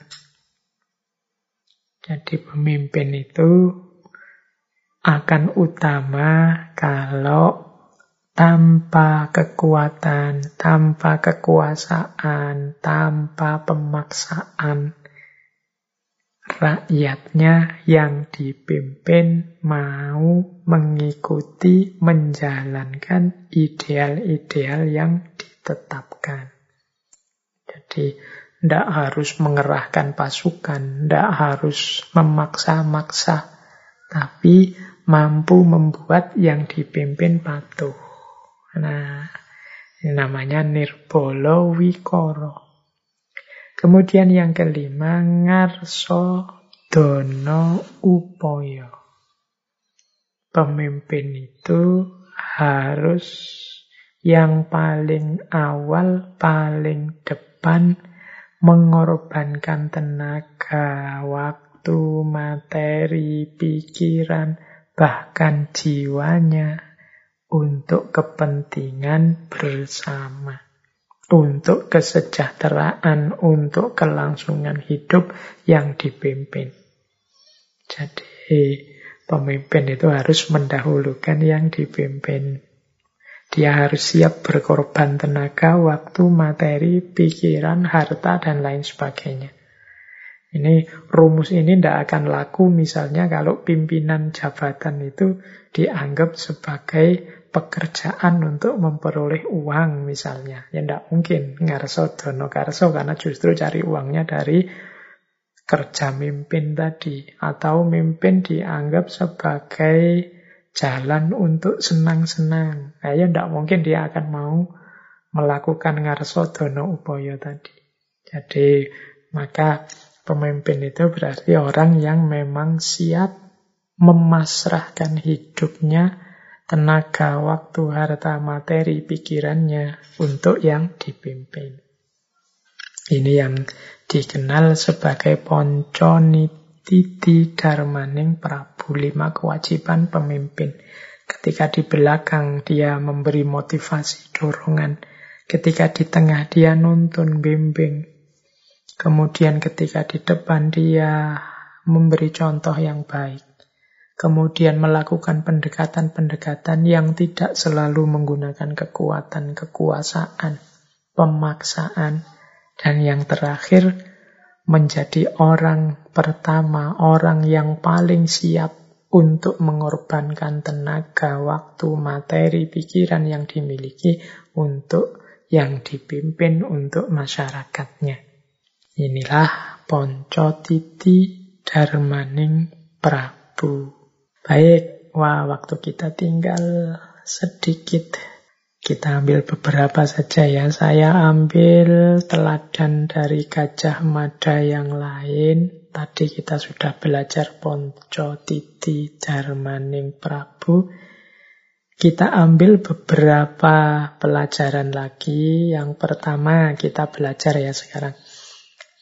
Gajah Mada itu di beberapa naskah serat disebut meskipun beliau ahli militer, ahli politik, disebut sebagai orang yang religius. Jadi sangat memperhatikan kehidupan spiritualitas. Misalnya, ini saya ambil dari Kakawin Gajah Mada. Beliau ini mengajarkan untuk agar semua orang tidak melalaikan aspek spiritualitas. Misalnya, beliau menyarankan kepada Prabu Hayam Wuruk saat itu. Ini diambil dari Kakawin Gajah Mada, pupuh 53 ayat 8. Beliau menyampaikan begini, Maka sebaiknya lah Bila tuanku sekarang segera melaksanakan upacara keselamatan di semua tempat pemujaan, supaya segera dilaksanakan upacara keselamatan besar-besaran juga di laut. Paling utama ditujukan kepada dewa bumi dan dewa angkasa supaya aman dan sejahtera. Seluruh dunia memperoleh ketentraman hilang semua gangguan dan tidak ada kesusahan. Jadi berarti selain perjuangan-perjuangan fisik, selain ikhtiar-ikhtiar konkret, jangan lupa aspek spiritualitas. Nah ini diajarkan juga oleh Gajah Mada. Ya zaman itu ya upacara selamatannya kepada dewa-dewa yang dipercaya. Jadi ini Dilanjutkan di Pupuh 53 bait 9 10 untuk ranah spiritualitas ini. Lanjutannya seperti ini. Demikianlah laporan hamba. Semoga diterima baik oleh Tuhan hamba. Perlu segera mulai pemusnahan semua gangguan di dunia ini terutamanya oleh pendeta Siwa dan Buddha dan Sri Baginda sebagai pelaksana ketiga, menjaga dan memelihara bumi serta langit. Itulah yang disebut tiga perlindungan seluruh dunia. Raja tak dapat dipisahkan dari pendeta Siwa dan Buddha, ibarat periuk dengan tutupnya menyatukan rasa dengan para pendeta supaya dunia ini makmur, aman, dan sejahtera. Apalagi semua ini penyebab kesempurnaan, kebahagiaan, kesenangan, dan kemasyuran. Dengan rustu para dewa, Tritunggal Raja, Pendeta Siwa, dan Buddha. Ini seperti Dewa Brahma, Wisnu, dan Siwa. Jadi ini laporannya Gajah Mada kepada Prabu Hayamuruk untuk memperhatikan ranah spiritualitas, untuk mengajak para tokoh agama, ahli agama, ikut berjuang di ranah spiritualitas demi keberhasilan semuanya. Jadi antara kalau bahasa kita ulama dan umarok itu harus sinergis. Kata Gajah Mada, Tritunggal, Raja, Pendeta Siwa, dan Buddha ini jadi satu. Inilah yang jadi perlindungan seluruh dunia, kata Gajah Mada. Ya karena memang agama resmi yang ada di Mojopahit saat itu yang populer kan memang agama Siwa dan agama Buddha. Ini sebenarnya tidak hanya era Mojopahit. Sejak zaman Prabu Kertanegara sudah mulai ada riwayat-riwayat bertemunya Hindu dan Buddha. Nah, kalau yang di Mojopahit ini terkenal sekali namanya Prasasti Waringin Pitu yang berasal dari Raja Kertawijaya ini Raja Mojopahit terakhir yang menyebutkan ada di Mojopahit ada dua pejabat agama. Yang pertama Dharma Diaksa Ringkasayuan dan yang kedua Dharma Diaksa Ringkasogatan. Yang Kasayuan ini yang mengurusi agama Siwa, Ringkasogatan ini yang mengurusi agama Buddha. Jadi berarti memang agama resmi saat itu itu agama Siwa dan agama Buddha. Dan ini juga nanti kan disebutkan juga kalau teman-teman mendengar istilah Bhinneka Tunggal Ika yang ditulis oleh Empu Tantular dalam Kakawin Suta Soma itu kan menjelaskan dua agama ini. Jadi agama Siwa dan agama Buddha. Kalau dalam serat Suta Soma kan dijelaskan bineka tunggal ika tanhana dharma mangruwa. Meskipun dua tapi yo hakikatnya satu karena tidak ada kebenaran yang mendua. Jadi siwa juga kebenaran, Buddha juga kebenaran. Ya memang tampaknya wujudnya dua, tapi hakikatnya satu. Maka Bineka Tunggal Ika. Ini kan istilah yang kita pakai di Indonesia hari ini. Jadi itu makanya tadi disebut oleh Gajah Mada ya ayo sinergi, ayo kerjasama antara ulama dan umarok demi kemajuan bangsa. Uh, ya belakangan memang ada penelitian-penelitian tentang keberadaan agama Islam di Mojopahit. Ada penelitian memang dan memang ada bukti di zaman Mojopahit sudah hadir agama Islam.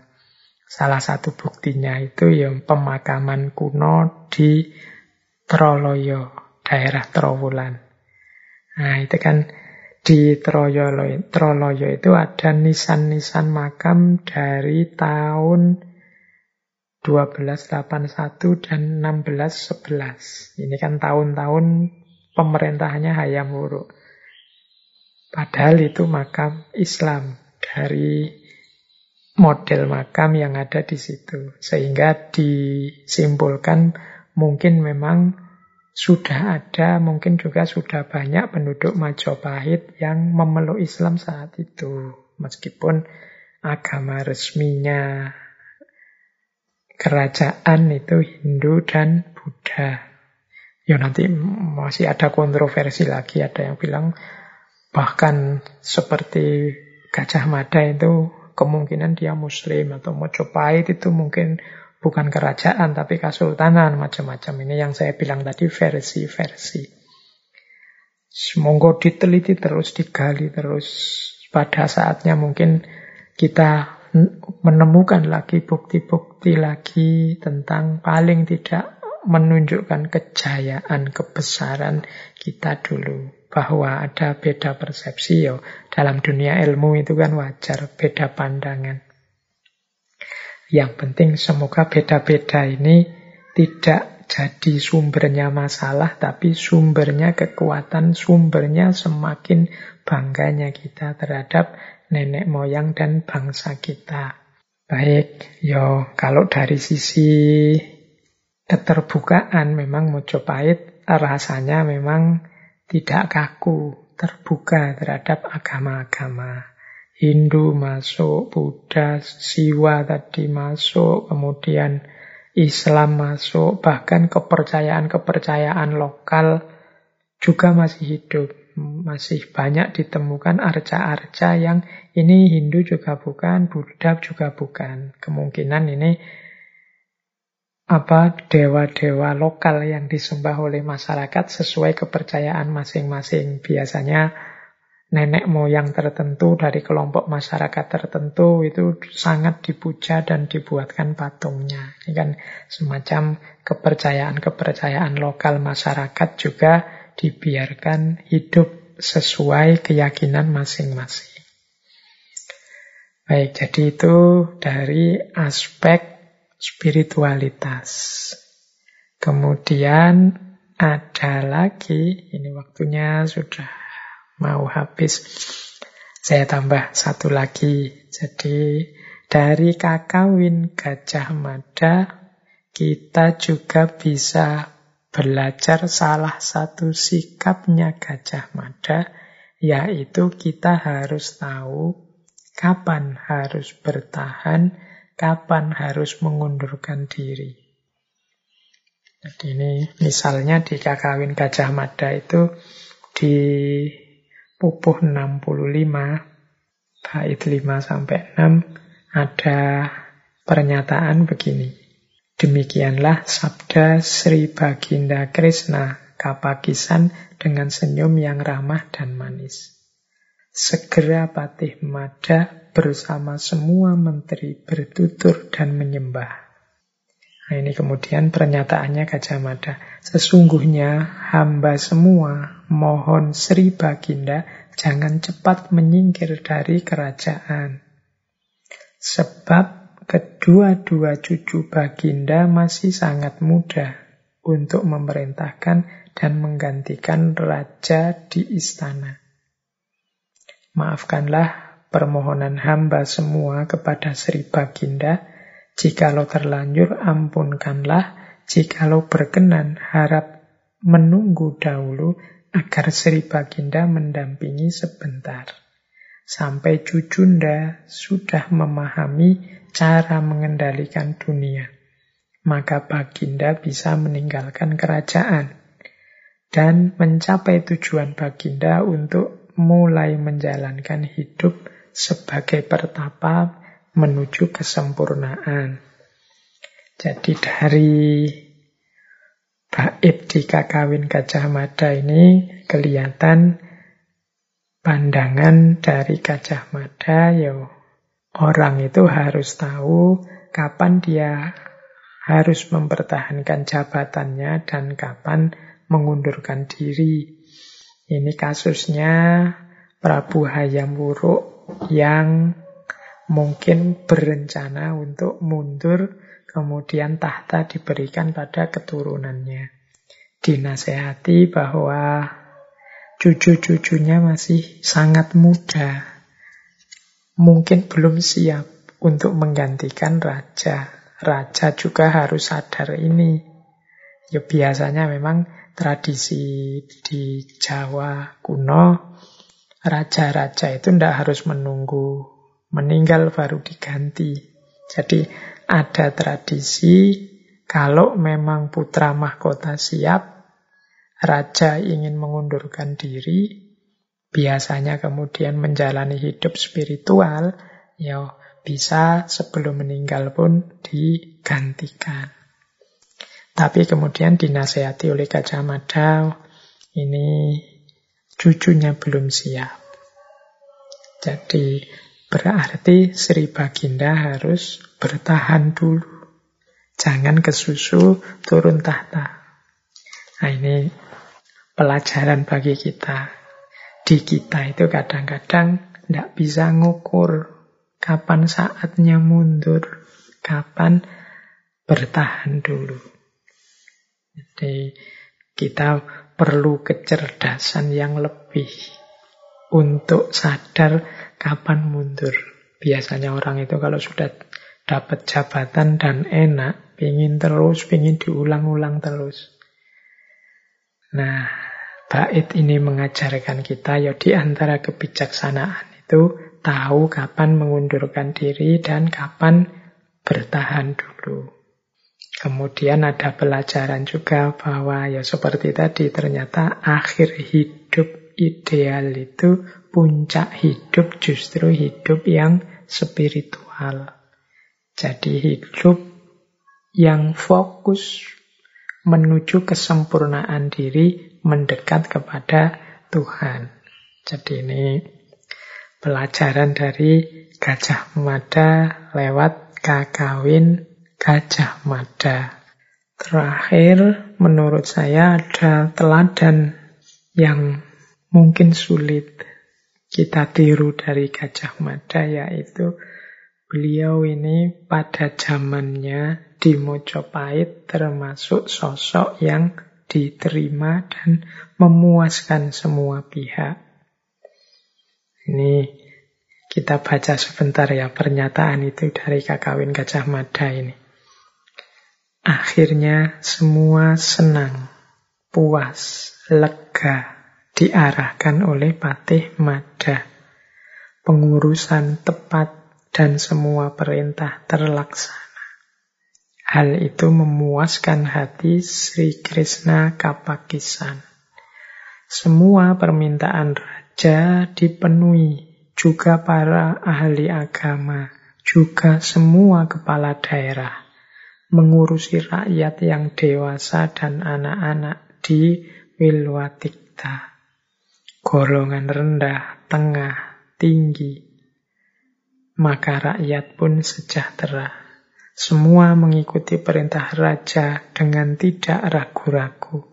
Demikian juga apa yang dikatakan para dewa tentang tugas kewajiban rakyat yang ada dalam kitab hukum.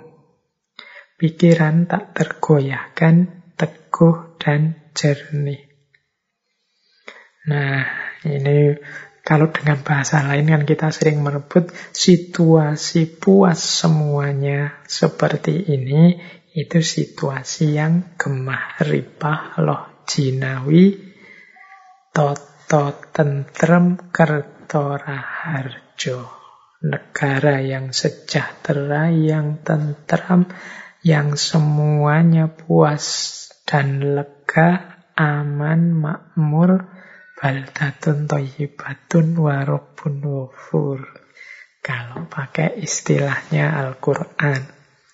Dan diwujudkan oleh Gajah Mada pada zamannya menurut kakawin Gajah Mada ini. Makanya setelah beliau mundur, sulit sekali mencari penggantinya. Ya paling tidak tetap kita bisa meneladani hal-hal baik yang sudah dirintis dan dilakukan oleh Gajah Mada. Mulai semangatnya, cinta tanah airnya, cita-citanya yang tinggi, kecerdasannya, kebijaksanaannya, karakternya, dan banyak hal yang bisa kita pelajari malam ini. Jadi malam ini mungkin materinya tidak terlalu padat, banyak cerita-cerita, banyak ngalur ngidul ngobrolnya. Tapi semoga teman-teman bisa menangkap roh dan semangatnya dari seorang Gajah Mada. Nah, akhir hidup beliau ini juga termasuk yang misteri. Ini tokoh-tokoh kita bulan ini itu diselimuti oleh berbagai misteri. Meskipun semuanya tokoh-tokoh yang dahsyat dan besar. Gajah Mada ini akhir hidup beliau itu ada beberapa versi dan kontroversi. Kalau menurut negara Kertagama ada cerita bahwa sekembalinya Hayam Wuruk dari satu upacara keagamaan di daerah Simping. Jadi satu ketika ada upacara keagamaan rutin di daerah Simping, dihadiri oleh Hayam Wuruk. Setelah Hayam Wuruk kembali di istana, dia lihat Gajah Mada sedang sakit. Dan akhirnya meninggal dunia tahun Saka 1286 atau 1364 Masehi karena sakit. Itu kalau dalam negara Kertagama. Tapi ada juga versi yang bilang ndak Gajah Mada itu ndak sakit, tapi mukso. Ini dalam Kidung Sunda. Jadi ini ceritanya setelah kasus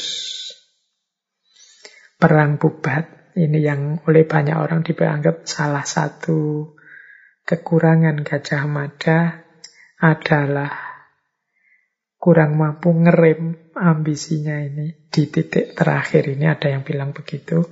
Meskipun juga ada kontroversi-kontroversi dan versi-versi tentang cerita ini, tapi di versi ini itu adanya di Kidung Sunda. Ada juga yang bilang Kidung Sunda itu sebenarnya kisah bikinan zaman Belanda. Tapi ya monggo ini kita tidak mungkin membahas itu sampai dalam malam hari ini, tapi di Kidung Sunda disebut Gajah Mada ini mokso. Jadi setelah ada kasus itu, kemudian hayam wuruk, gelisah, susah, depresi karena kasus itu, tidak jadi menikah, macam-macam.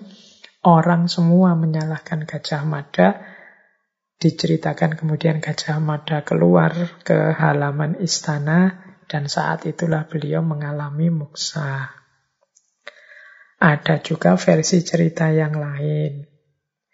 Ada yang bilang ya saat itu Gajah Mada setelah kasus itu mengundurkan diri, kemudian oleh Hayam Wuruk diberi satu wilayah, satu dukuh namanya Madagaripura. Madakaripura ini di situ ada air terjun yang indah, yang di belakang air terjun itu ada guanya. Di situlah nanti Gajah Mada melakukan apa spiritualitas di akhir-akhir hidup beliau. Jadi fokus untuk beribadah di situ. Ini di Madakaripura ini daerah Probolinggo. Mungkin bagian-bagian selatan. Nah, jadi di situlah nanti akhirnya Gajah Mada meninggal di situ. Ada lagi yang bilang Gajah Mada itu meninggal di Aceh. Ada lagi yang bilang Gajah Mada itu macam-macam versi-versi tentang di mana meninggalnya Gajah Mada. Termasuk juga versi kelahiran beliau dan asal-usul beliau. Jadi ada banyak riwayat yang macam-macam. Malam hari ini kita lebih fokus tidak pada versi-versi dan kontroversi-kontroversi, tapi pelajaran-pelajaran apa yang bisa kita ambil dari Gajah Mada. Dari profilnya yang bertanggung jawab, tegas, cerdas, setia, tahu diri, kemudian dari karakter kepemimpinan beliau, baik secara intelektual, emosional, spiritual, dan sosial, kemudian semangat luar biasa, cita-cita yang tinggi, dan perjuangan mewujudkan cita-cita, sumpah palapa yang luar biasa, termasuk juga tata sosial tertib hukum lewat kitab Kutara Manawa kita juga bisa belajar lima prinsip kepemimpinan Ponco Titi Darmaning Prabu dan juga bagaimana Gajah Mada pun hidup dengan orientasi spiritualitas yang tinggi. Tidak sekedar perang dan perang saja. Baik, saya kira itu ya teman-teman. Ini lebih kayak obrolan kita malam hari ini tentang Gajah Mada. Tidak sangat padat materi seperti biasanya, tapi semoga menggugah kita, menyadarkan kita untuk tidak hilang cinta dan kebanggaan kita terhadap bangsa ini. Jadi kita pun punya banyak tokoh besar, punya orang-orang besar dan sejarah yang besar. Tinggal mampu atau tidak kita melanjutkan kebesaran itu saat ini. Baik, saya kira itu ya teman-teman. Mohon maaf sekali atas segala kurang dan lebihnya. Mungkin saya salah ucap, mungkin salah pronunciation-nya, dan macam-macam mohon dimaklumi. Semoga ada yang mengingatkan kalau memang ada yang keliru.